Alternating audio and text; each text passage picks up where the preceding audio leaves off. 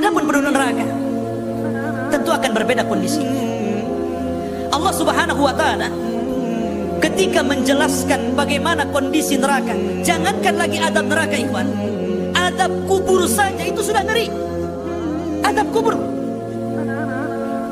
Suatu ketika Nabi Shallallahu Alaihi Wasallam itu kebiasaan Nabi kalau habis sholat subuh Rasul itu biasanya bertanya kepada para sahabatnya mimpi apa kalian semalam pertanyaan Rasul yang biasa ditanyakan apabila selesai sholat subuh mimpi apa kalian semalam kadang Abu Bakar mengatakan saya mimpi ini kadang Umar mengatakan saya mimpi itu terkadang mimpi ini maka Rasul akan takwilkan mimpi-mimpi para sahabat tapi Nabi membatasi jangan pernah cerita mimpi buruk kepada orang. Ya Bu ya. Jadi kalau ibu mimpi buruk jangan cerita. Ustaz saya mimpi dalam mimpi saya suami saya dililit ular. Ya nggak apa-apa biarin saja. Oh di mimpi kok. Sebab kalau saya takwilkan, oh hati-hati mau poligami lagi. Ya. Kan rugi bu ya. Kalau itu saya nggak mau tanya lah kan begitu. Ya. Jadi yang baik-baik saja, yang baik-baik, yang mimpi baik saja antum tanyakan. Yang buruk sudah simpan saja. Jadi Ketika itu Nabi SAW kebetulan tidak ada satupun sahabat yang mimpi malam itu. Kata Rasul, saya bermimpi semalam. Kemudian Rasul mengatakan, tiba-tiba dua malaikat datang mengapit kedua tanganku, kemudian mengangkatnya. Ternyata aku dibawa ke sebuah tempat yang mengerikan. Pertama yang kujumpai kata Rasul, orang yang diterlentangkan. Kemudian di sampingnya ada orang berdiri, bawa batu, dibenturkan dengan batu itu kepalanya sampai hancur kemudian setelah hancur kemudian dibentuk lagi dengan kepala baru dihancurkan lagi dibentuk lagi dengan kepala baru begitu terus kata Rasul subhanallah mahana apa ini? Maka malaikat mengatakan intalik ya Muhammad sudah tinggal.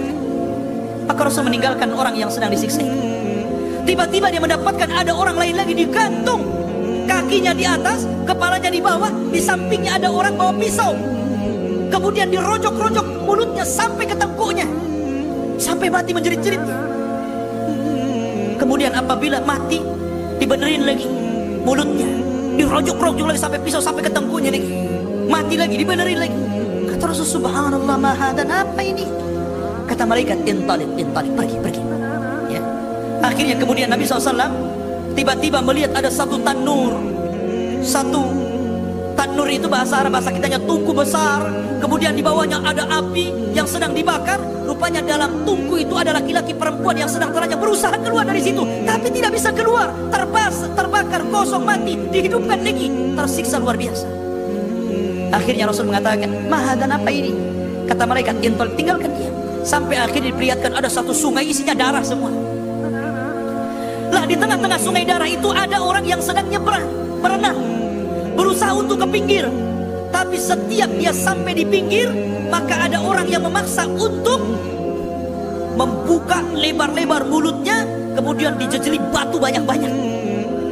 Ketika tidak tahan, dia pun nyebrang lagi ke tengah kecapean lagi. Pokoknya setiap dia ke pinggir, jangan harap dia selamat. Karena sudah ada orang yang memaksa kemudian membuka mulutnya, kemudian dimasukkan batu banyak-banyak.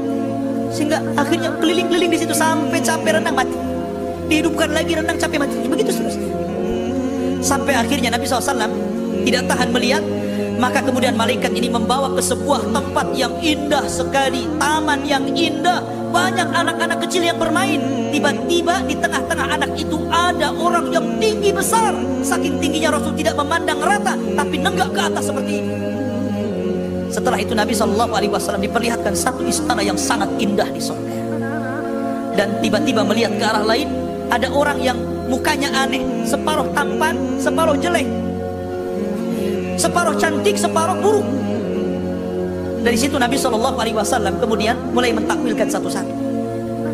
Kata Nabi Shallallahu Alaihi Wasallam, adapun orang yang tidur kemudian dibenturkan dengan batu kepalanya sampai hancur. Maka orang itu adalah orang yang sengaja meninggalkan sholat karena tidur. Kan ada orang seperti itu. Pamannya datang waktu asar, ah masih ada waktu, saya mau tidur dulu. Akhirnya bablas sholatnya, karena tidur. Ah masih ada waktu, saya istirahat dulu. Dia kepalanya sudah tahu itu waktu sholat, tapi sengaja meninggalkan sholat karena tidur, maka dibenturkan kepalanya dengan batu. Adapun orang yang digantung kakinya kemudian ditusuk-tusuk mulutnya dengan pisau, dialah orang yang kadib yablugul afah. Para pendusta yang sudah keterlaluan dustanya itu. Apalagi di zaman sekarang ikhwan, para pendusta itu banyak. Sekarang zaman medsos ini banyak yang hoak-hoak kan itu. Ya kan? Dikit-dikit hoak lagi, hoak lagi. Apa nih cerita? Ya. Di zaman sekarang kan zaman dusta itu. Yang jujur jadi dikatakan dusta, yang dusta dikatakan jujur itu zaman sekarang. Ya. Adapun orang yang dalam tungku itu para pezina laki-laki dan perempuan. Adapun orang yang berenang tadi di air darah, mereka lah para akhirul riba, para pemakan riba kata Rasul. Adapun taman itu adalah taman sorga. Adapun orang yang tinggi besar adalah Ibrahim. Adapun anak-anak yang bermain adalah anak-anak orang-orang mukmin yang meninggal di waktu fitrah. Sahabat bertanya Rasul, bagaimana dengan anak-anak orang kafir? Maka Rasul mengatakan, ya, anak-anak orang kafir pun akan digabungkan di situ. Kemudian apa du adapun istana-istana itu adalah rumah yang Allah janjikan kepada Adapun orang yang buruk rupa separuh dan tampan separuh, maka orang itu orang yang 50-50 kebaikannya. Yang separuh baik, separuh buruk, tapi Allah ampuni mereka. Kata para ulama, ini bukan adab neraka. Ini adab barzah. Ini adab kubur. Kalau adab kubur saja sengeri ini ikhwan, gimana neraka? Pada adab kubur itu kan permulaan. Wajar kalau kemudian para sahabat menangis apabila diingatkan tentang adab kubur seperti Utsman bin Affan.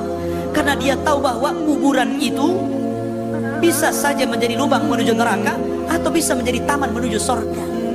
Makanya ketika orang itu kemudian mukmin, kemudian berhasil menjawab tiga soalan malaikat man rabbuka wa manabiyuka wa madinuka dia sanggup menjawab Allah Muhammad dan Islam maka Allah mengatakan sadaqa abdi hambaku telah benar bentangkan kepadanya seluas-luasnya tanah kuburan kemudian bentangkan jalan menuju sorga biarkan hawa sorga itu masuk ke kuburannya di situlah dia berdoa ya Rabb akimisah tegakkan cepat hari kiamat tapi orang kafir, orang munafik, orang fasik ketika ditanya siapa Rabbu hah?